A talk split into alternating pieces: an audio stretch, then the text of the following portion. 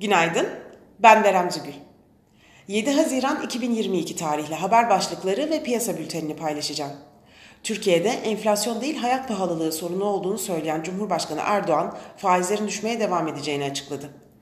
Gevşek para politikasını sürdüren Japonya'da yen dolara karşı 20, euroya karşı 7 yılın en düşük seviyesine gelirken Japonya Merkez Bankası Başkanı sıkılaştırma olmayacak mesajı verdi.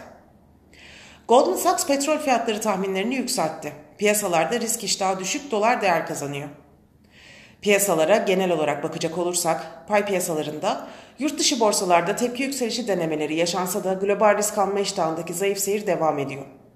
Borsa İstanbul'un yılbaşından beri güçlü performans göstermesine rağmen değerleme olarak hala makul seviyelerde olması ve negatif faiz ortamında alternatifsiz kalması sebepleriyle enflasyona endeksi yeni bir yatırım ürünü açıklanmadığı sürece kar satışları yaşansa da yükseliş trendinin orta vadede devam etmesini bekliyoruz.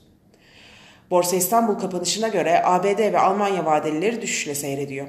Asya borsalarında da satıcılı bir seyir var. Teknik analiz verilerine bakacak olursak, gün içinde 2624 ve altına gerileme trade amaçlı alım fırsatı, 2695 ve üzerine düşük hacimli yükselişler ise kar satışı fırsatı olarak takip edilebilir.